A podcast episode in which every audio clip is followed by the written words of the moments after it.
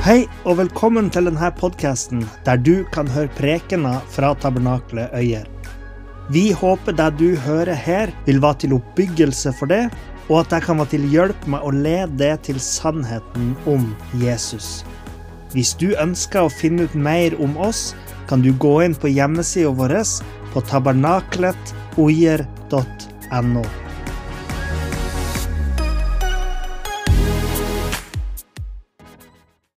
Ja, vi er jo i en eh, seriesammenheng.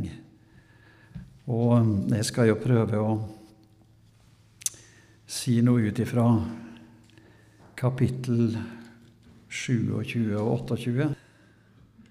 Men da samler vi tankene igjen og ber litt. Kjære Jesus, takk for at du har samla oss, Herre. Det er ditt navn vi samles om, Herre Jesus. Hvis ikke du var her, Herre, da var det ikke noe mye vits å samles. Men du har lovt å være midt iblant oss. Og så ser du ordet ditt, Herre Jesus. Det står at det er levende, det er kraftig. Det er skarpere enn noe tveget sverd, står det. Det trenger igjennom. Det kløver sjel, ånd, ledemod og marg. Og så står det at det dømmer hjertets innerste tanker og råd. Jesus, la ordet ditt få lov å virke på oss, slik at eh, din vilje kan få lov å skje gjennom livet vårt. Så legger vi stunda fortsatt i dine hender. Og takk for det som vi allerede har opplevd gjennom lovsangen, gjennom innledning. Takk, Herre Jesus, at uh, du har en tanke med det. Du vil minne oss på ting og hjelpe oss å ta imot det, Herre. Amen. Ja, det er slik at når, når det er noe sånn temagreier, så hender det at en må skrive ned noen ord da, for at det her skal bli litt sammenhengende. Så jeg har jo skrevet ned noe, og så får vi se om vi klarer å snappe opp noe av det jeg sjøl har skrevet. da. Så det ikke blir liksom at han kom aldri tilbake til poenget. Og det får vi håpe at eh, det ikke skjer. Men i alle fall så har jeg laga en liten sammen, sammendrag først. Og så skal vi gå inn i kapittel 27 og 28 etterpå. Jeg har skrevet det slik dette er siste del av Sauls regjeringstid, og det er en tragisk periode. Mens Sauls gode karakteregenskaper dominerte i hans tidligere år, fikk hans svakheter nå overtaket. Han ble av Herren overgitt til onde åndsmakter. Han ble preget av tungsinn og sykelig mistenksomhet. Og han lot seg lett påvirke av omgivelsene. Alt dette gikk spesielt utover David, som var satt til å bli hans etterfølger. Saul ville ta livet hans, mens David derimot i flere anledninger hadde mulighet til det, men han gjorde det ikke. Og hva var tanken hos David? Saul er Herrens salvede og innsatt. Jeg skal ikke røre han. Så David hadde en, en var samvittighet for det som hadde med Gud å gjøre. Og så er det skrevet så hendte det som skulle bli slutten på Sauls liv. Filistrene samlet seg til krig i en slik mengde at Sauls hjerte skalv i ham. Han prøvde da å søke råd fra Herren, men Herren svarte ham ikke på noen måte. Da begikk Saul sin tredje store ulydighet. Han oppsøkte en spåkone for å få vite hvordan dette vil gå. Og en slik handling var tydelig forbudt ifølge Moseloven. Og vi har jo flere henvisninger der. I tredje Mosebok for eksempel, så står det uttrykkelig at de skulle ikke søke dødningemanere eller sandsiger eller noe slikt. For det var jo det de gjorde, de som bodde i landet fra før. Det var stor hedenskap og, og, um, og spiritisme og sånne ting. Og i andre Mosebok så står det at en spåkone eller en spåperson skulle dø. Det var ikke snakk om at de skulle få lov å leve og påvirke.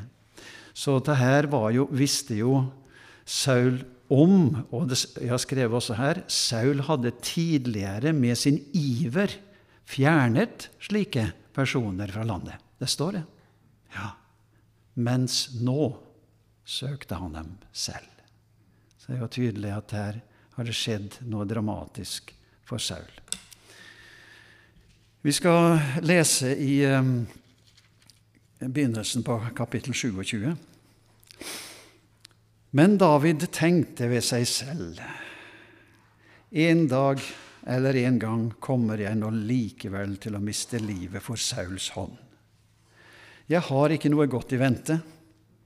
Jeg vil flykte til filistrenes land.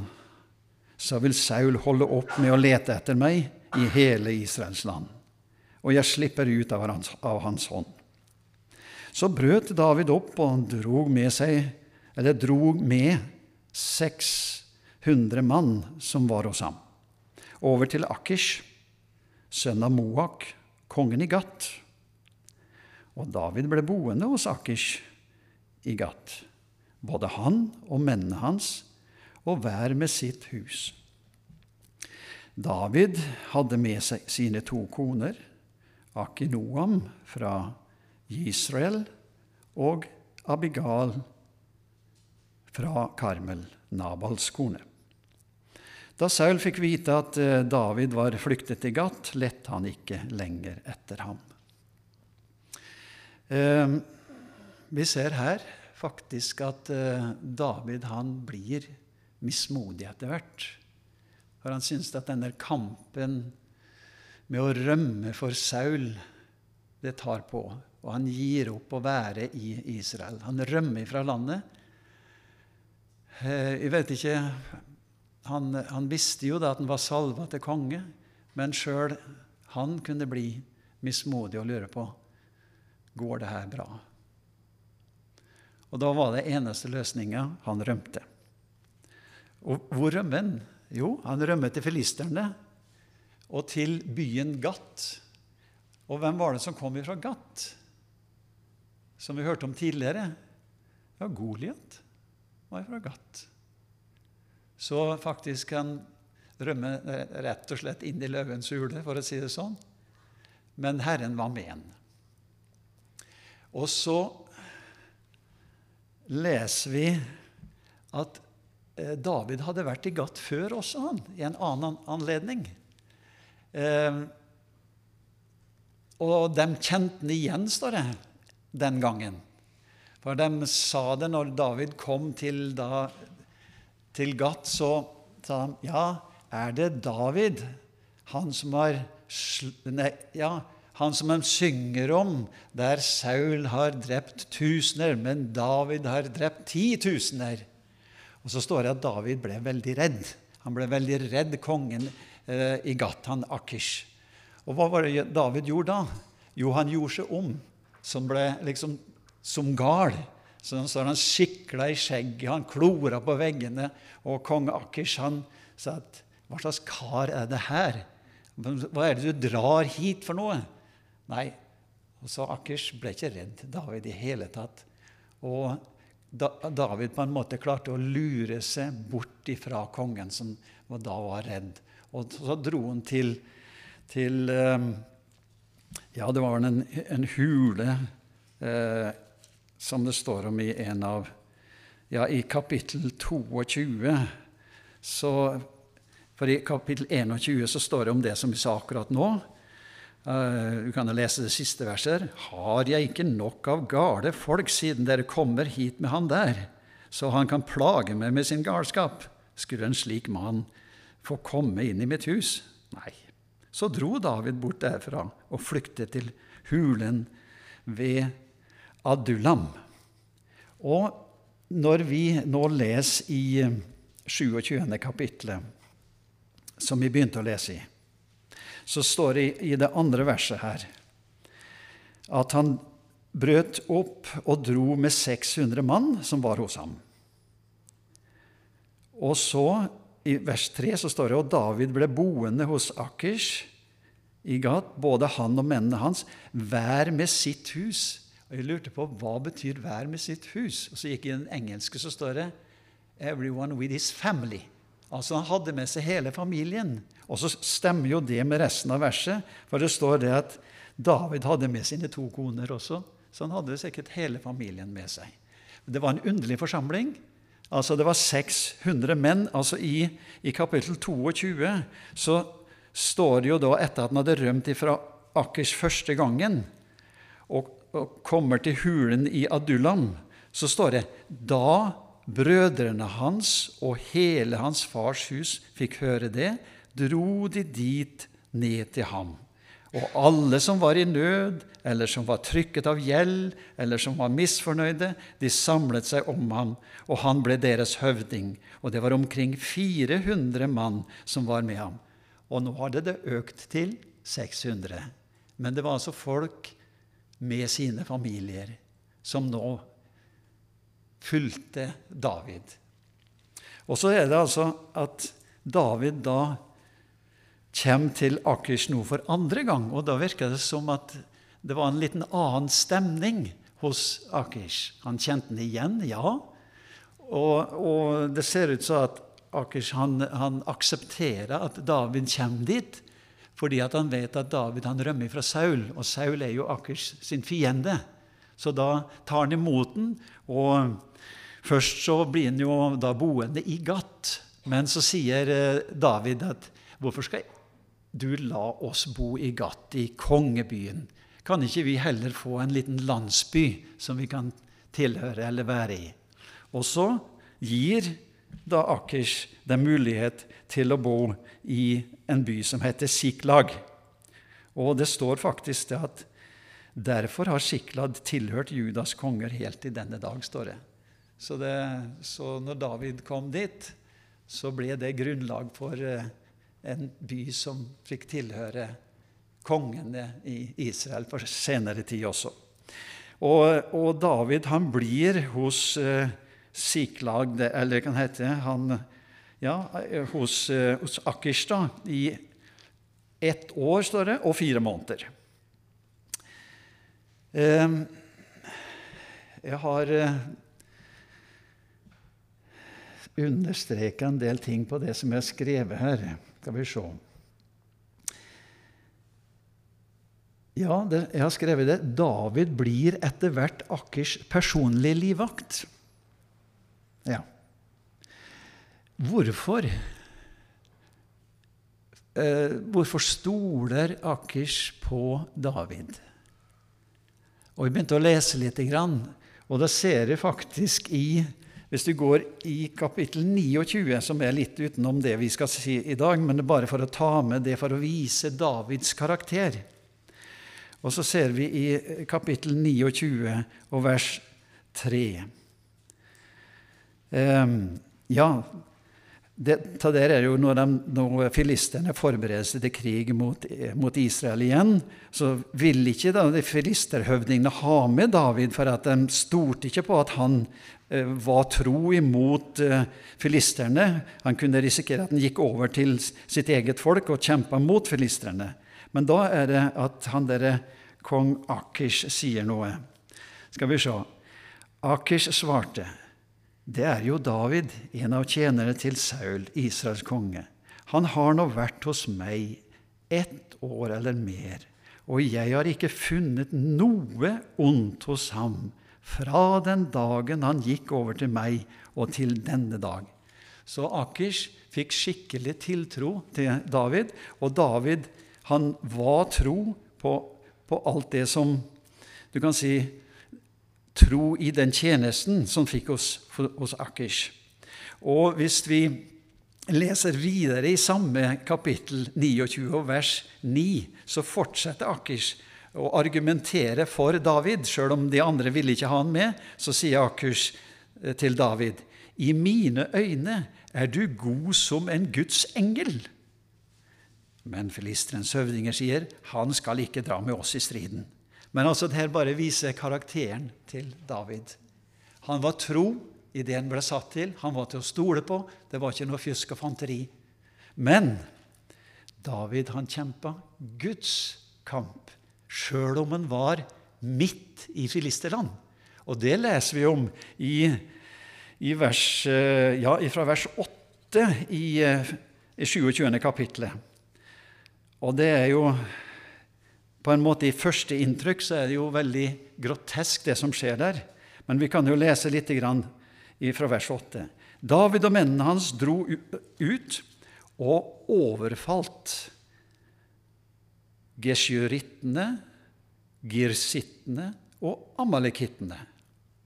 Og det var folk som fra eldgammel tid hadde bodd i det landet som strekker seg bortimot Sur og helt til landet Egypt.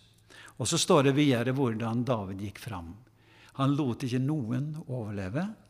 Han tok livet av det som var.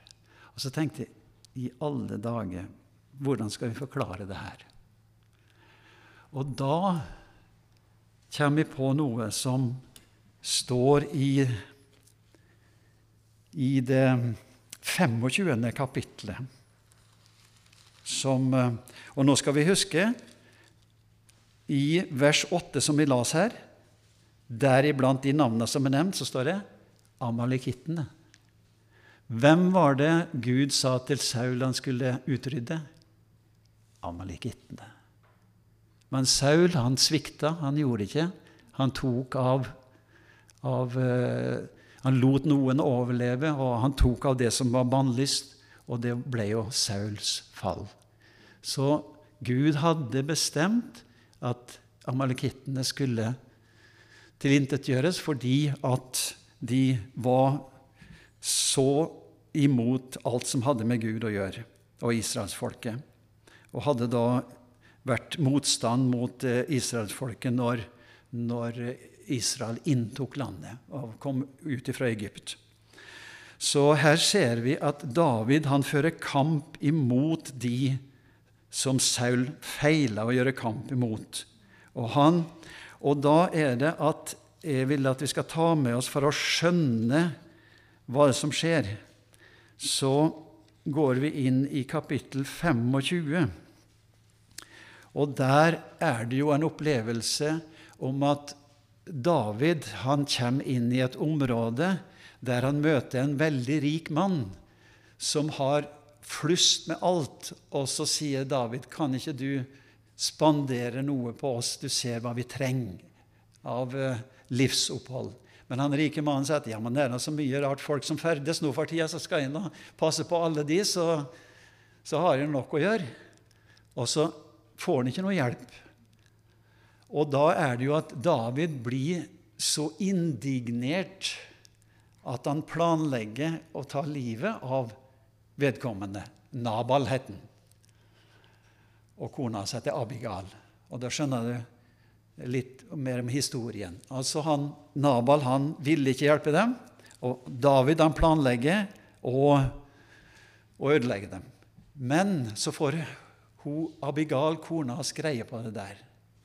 Så hun skynder seg å lage i stand alt som kan være til hjelp for, eh, for eh, David og folket hans, og skunder seg og møter David før han gjør det han hadde tenkt å gjøre.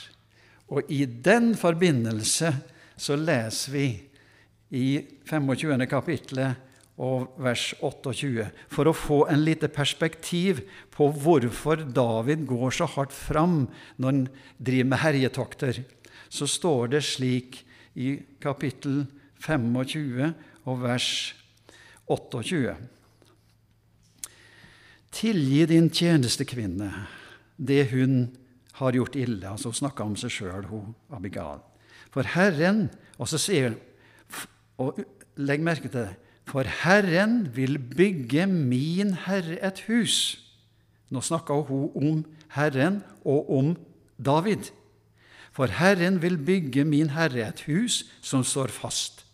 For det er Herrens kriger du fører, Herre. Og noe ondt er ikke funnet hos deg fra den dagen du ble til. Og om noen står fram og forfølger deg og står deg etter livet, da skal min Herres liv være gjemt blant de levendes flokk hos Herren min Gud. Men dine fienders liv skal han slynge bort som en stein av slyngen. Når da Herren gjør mot deg alt det gode Han har lovt deg, Herre, og setter deg til fyrste over Israel Hun visste det, at David var salvet til fyrste. Så skal ikke dette bli deg til anstøt eller volde deg samvittighetsnag, Herre, at du har utøst skyld, uskyldig blod. For det var det han hadde tenkt å gjøre. Han hadde tenkt å hevne seg på mannen hennes. Men så sier hun at nå skal ikke dette bli deg til anstøt eller volde deg samvittighetsnag når du blir eh, konge. Uh, og at du har tatt deg selv til rette. Og når Herren gjør vel mot deg, Herre, så husk din tjenestekvinne. Dette var altså ei som trodde. Hun trodde på Gud og det som Gud hadde gjort, og salva David til konge. Og hun visste at de krigerne som David gjorde, det var Herrens kriger. Og da får du en, en et annet perspektiv på hvorfor David gikk så hardt fram som han gjorde der på sine herjetokter. Og i grunnen så lurte han kong Akish der. For han, kong Akish trodde jo det at han David kriga for seg og gikk imot hebreerne. Og, og, og, at han nå hadde satt seg liksom på en måte i dårlig lys hos hebreerne, og at han kom til å bli hos Akish for all tid. Slik tenkte Akish. Men David han kjempa for Herren, sjøl om han var der. Og eh, da er det altså at vi får en litt mer forklaring på at det er Herrens kriger David fører.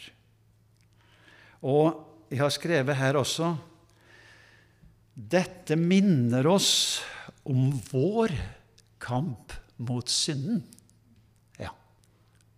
David han lot ingen å, uh, bli i live av de som han kjempa mot.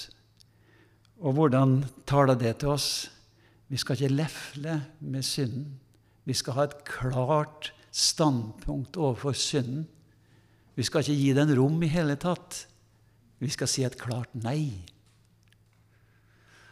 Og eh, Da refererer jeg til Efeserne 6. Og Der sier Paulus vår kamp, sier han, er ikke mot kjøtt og blod. Det var det i Det gamle testamentet. Det var synliggjort i kampen mot kjøtt og blod med det som hadde mot Guds vilje å gjøre. Men her, i Det nye testamentet som vi er kommet inn i, vår kamp er ikke mot kjøtt og blod, sier Paulus, men mot makter, mot myndigheter, mot ondskapens ånde her i himmelrommet. Ta derfor Guds fulle rustning på, sier han. Så det er vår kamp. Men her ser vi forbildet for vår kamp, det som David fikk gjort. Og som vi kan da lære gjennom det bildet.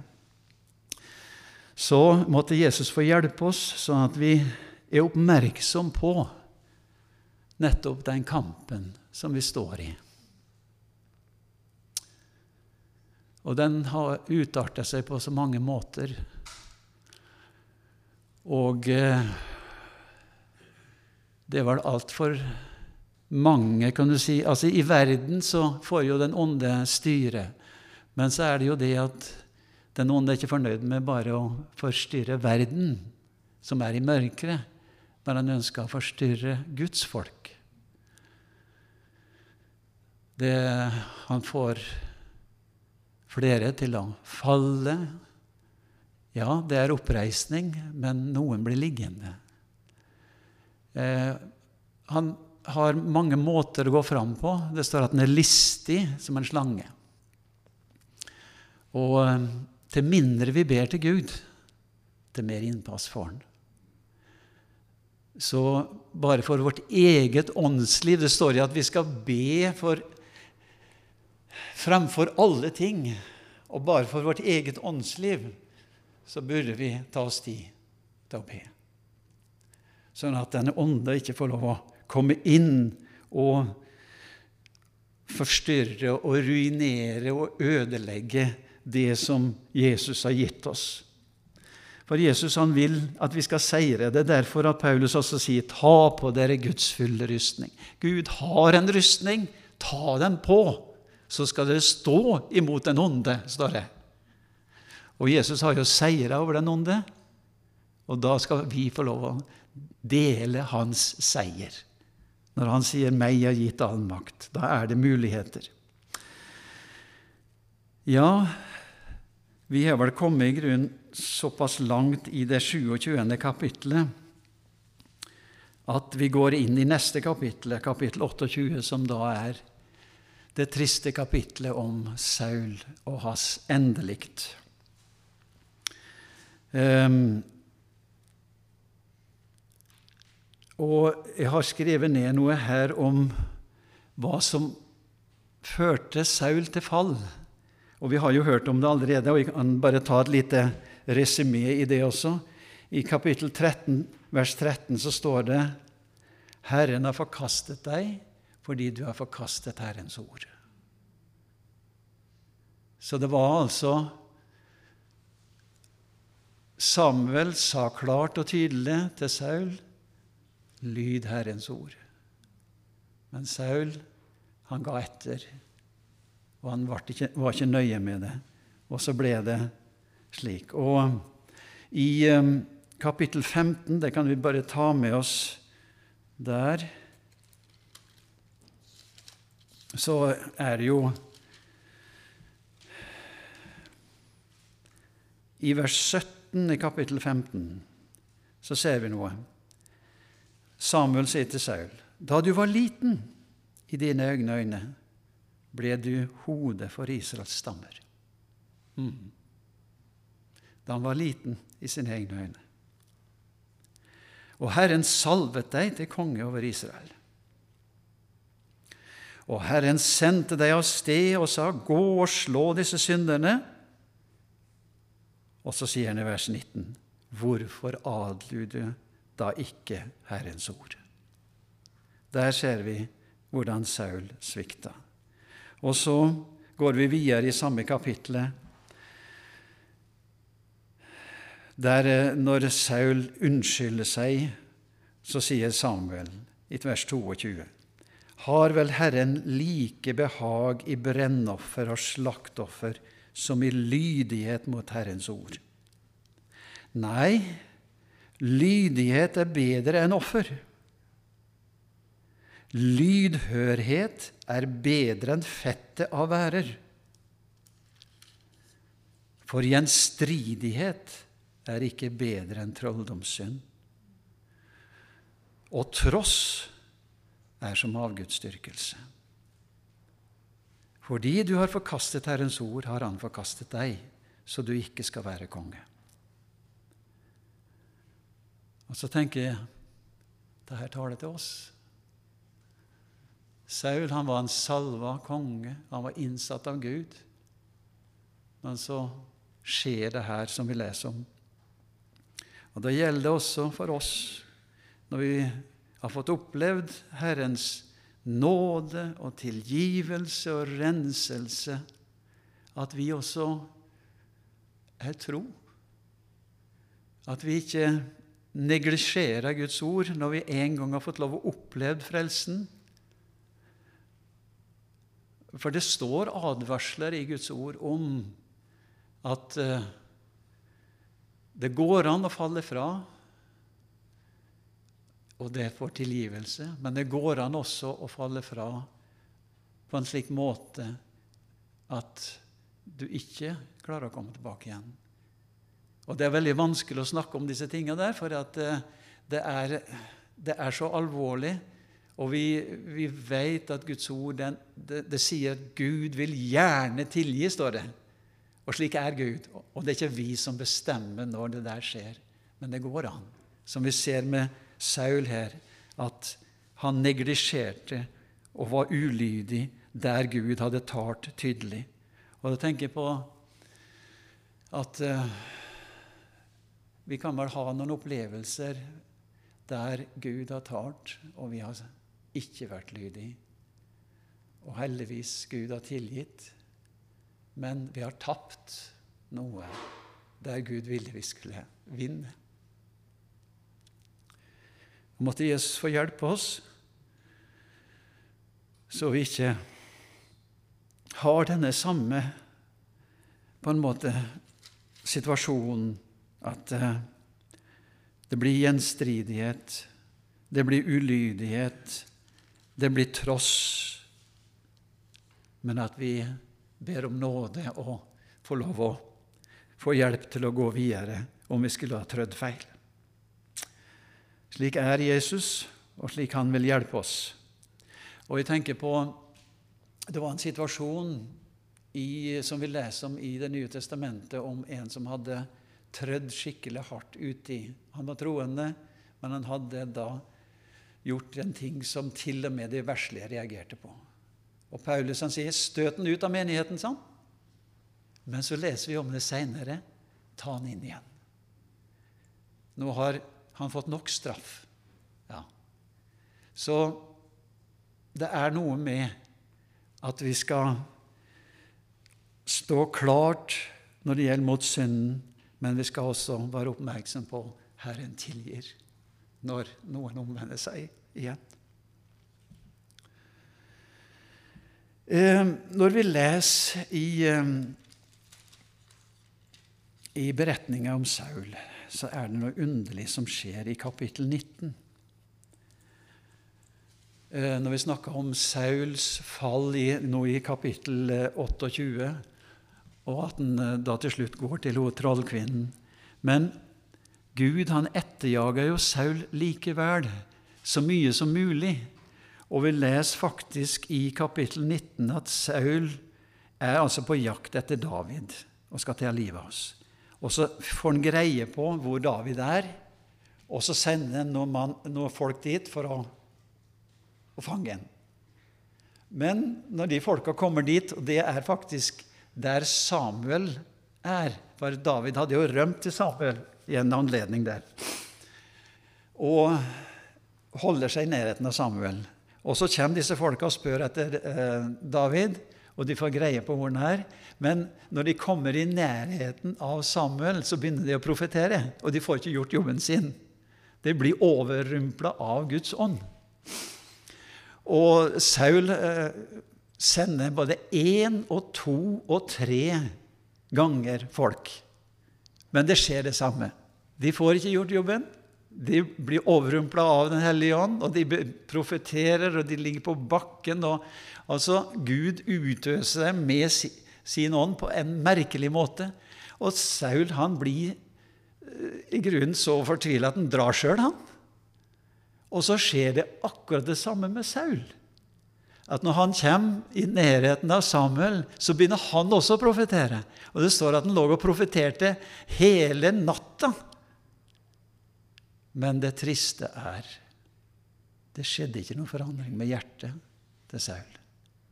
Han fikk en berøring av Guds ånd, men likevel så skjedde ikke noen endring av hjertet.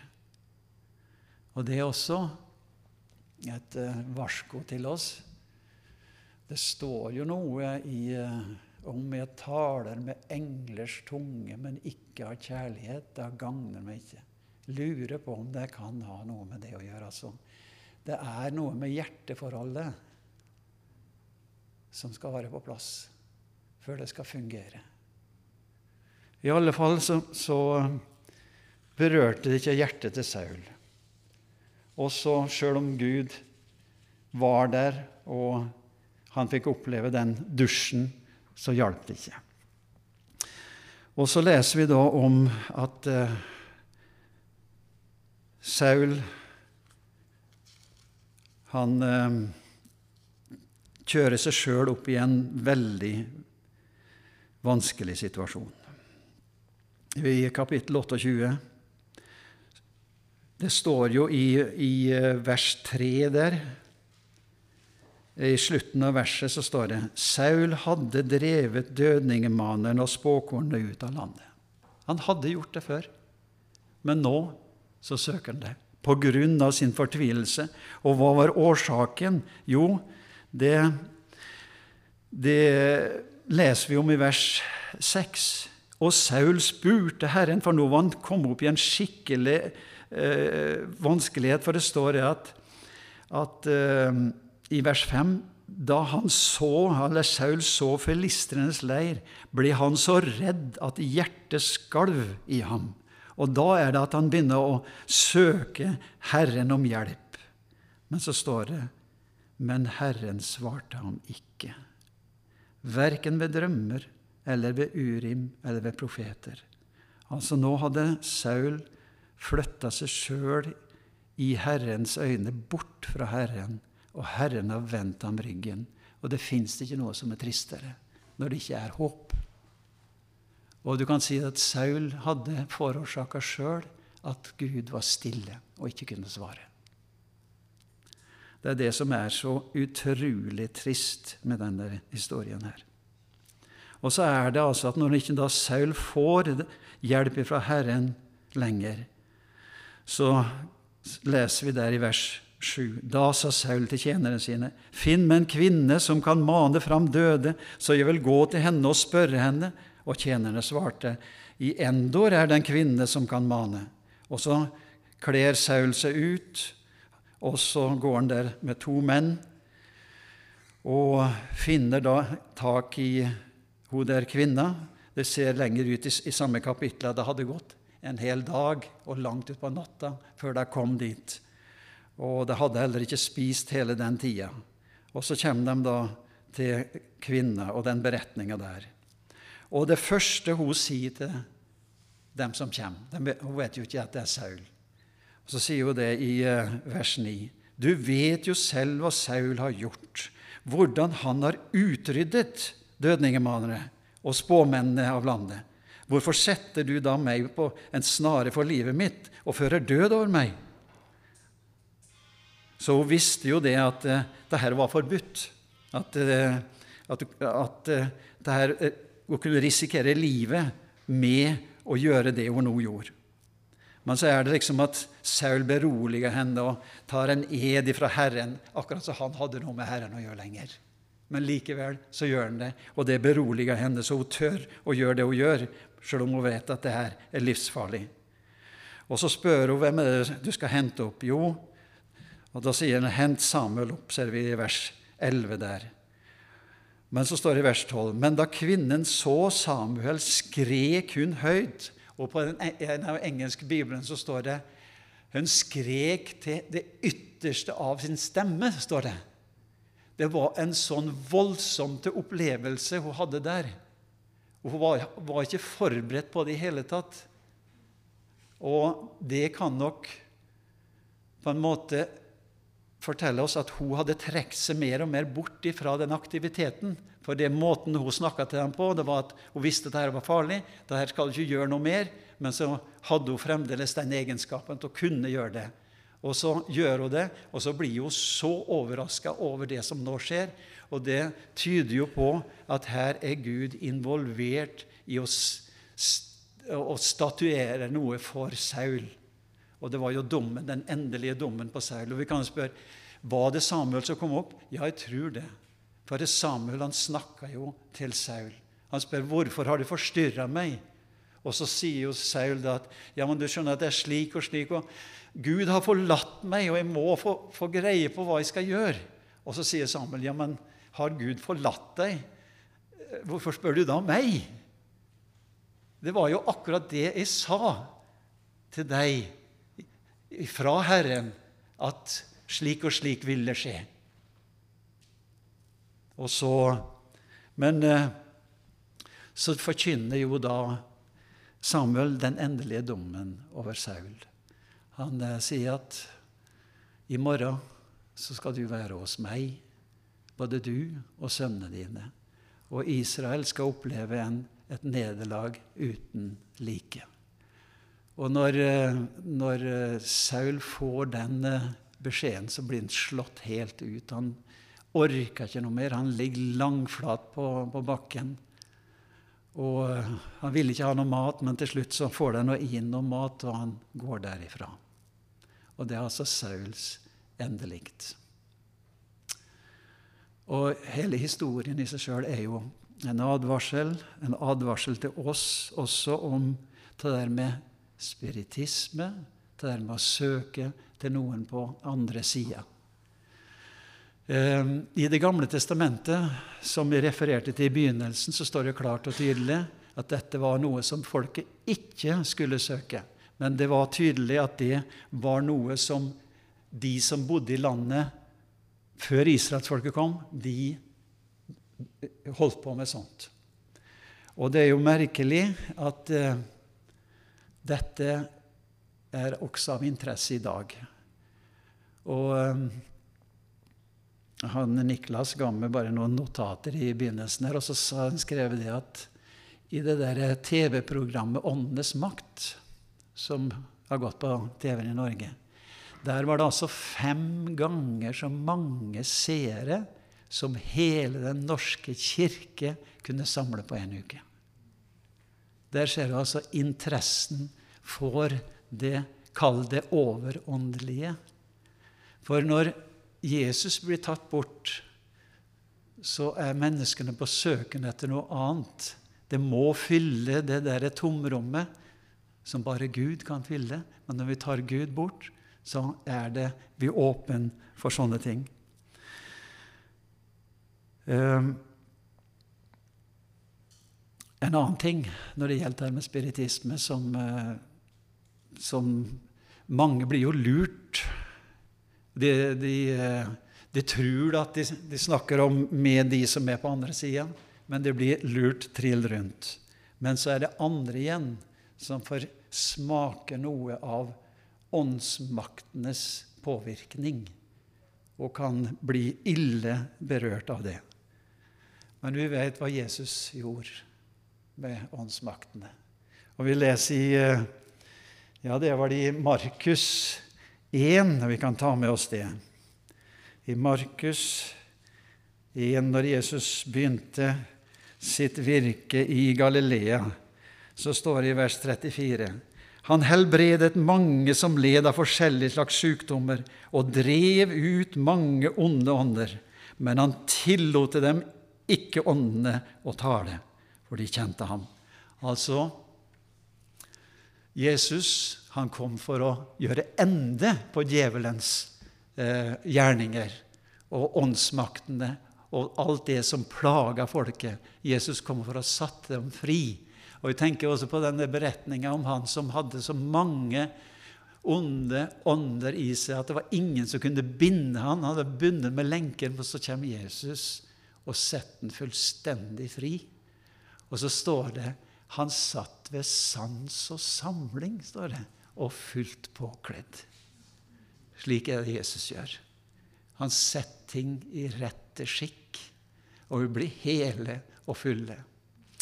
Og han vil ikke at vi skal rote oss borti noe som har med sånne ting å gjøre. Og vi vet jo, det står i Kolossenserbrevet 2,15 Jesus seier over maktene og myndighetene, står det. Han stilte dem åpenlyst til skue da han viste seg som seiersherre over dem på korset. Og i 1. Korinterne 10 så underviser Paulus om at dere troende har ikke noe med avgudsdyrkelse eller avgudstempler å gjøre. For de levde jo i, sammen med de ikke-troende, altså hedningene. Og der var det avgudsdyrkelse. Og for de kristne så sa han ja, men det er ikke noen avguder. Vi trenger ikke være redd for det greiene der. Vi kan jo også spise av det der som de spiser. Men da sier Paulus, vær forsiktig, fordi at det er ikke noen avguder, men det som ofres, det ofres til de onde ånder. Og jeg vil ikke at dere skal få kontakt med de onde ånder samtidig som de tar del i Herrens legeme og blod, sier han om, om, om, det der med, med, med um, Jeg tenker på uh, brødsbrytelsen, f.eks., der vi deler Herrens legeme og blod, står det. Og der har vi samfunn med Herren, står det. Og da vil jeg ikke at det skal være samfunn både med Herren og de onde ånder. Så han advarer de kristne om å ha noe eller være i nærheten av det som har med sånne ting å gjøre. Det kan te seg på en annen måte i dag, men det, det er der. Og la oss ikke på noen slags måte bli frista til å prøve Gud, for å si det sånn, med, med disse tinga. Vi skal ikke eh, lefle med, med sånne ting. Vi skal stå imot det som, som Jesus gjorde det. Og da har jeg lyst til at vi skal avslutte med Kolossenserne, det tredje kapitlet. Og hva er det Paulus sier til oss der? Er dere da oppreist med Kristus, så søk det som er der oppe, der Kristus sitter ved Guds høyre hånd. La deres sinn være vendt mot det som er her oppe, ikke mot det som er på jorden. Og det innbefatter også det som vi har snakka om i dag. Jesus, han er der, og vi kan søke ham av hele vårt hjerte. Og så har han lovt Han sender sin, sin ånd i våre hjerter. Ikke en ond ånd, men sin ånd i våre hjerter. Og der kan vi få lov å boltre oss og bli leda av Den hellige ånd. og Han gir oss lys i ordet, og han leder oss i hverdagen til de gjerninger han har lagt ferdige at vi skal få lov å gå inn i. Slik er han. Så måtte Jesus få hjelpe oss, at vi kan få lov å, av bare nåde, få lov å følge ham. Og han er jo kalt Guds ord. Og Saul han var ulydig mot Guds ord, men vi kan få lov å være lydige mot Jesus, og det vil si vi er lydige mot Guds ord. Ja. Så måtte Jesus få hjelpe oss og styrke oss, og han beskytter oss imot alt det onde. For det står 'stå han imot', fast i troen. Og hva skjer da? Han flyr ifra dere, står det. Han er som en hund som du jager, og han med halen mellom beina. For igjennom Jesus er han beseira. Så måtte Jesus få hjelpe oss. Amen. Takk, Herre Jesus. Takk, Herre, at du er der for å styrke og hjelpe oss, og at vi kan få lov av bare nåde å få lov å følge deg, Jesus, og være takknemlig for det som du har gjort for oss, og det du har satt oss fri, Herre Jesus, ifra synden og fra syndens makt, som har sin opprinnelse i den ånde. Takk at du seira over Han, Jesus, og vi skal få lov å seire med deg, Herre Jesus, ved tro, av bare nåde, og du gjør ikke forskjell på noen, Herre. Vi priser og vi lover deg. Amen.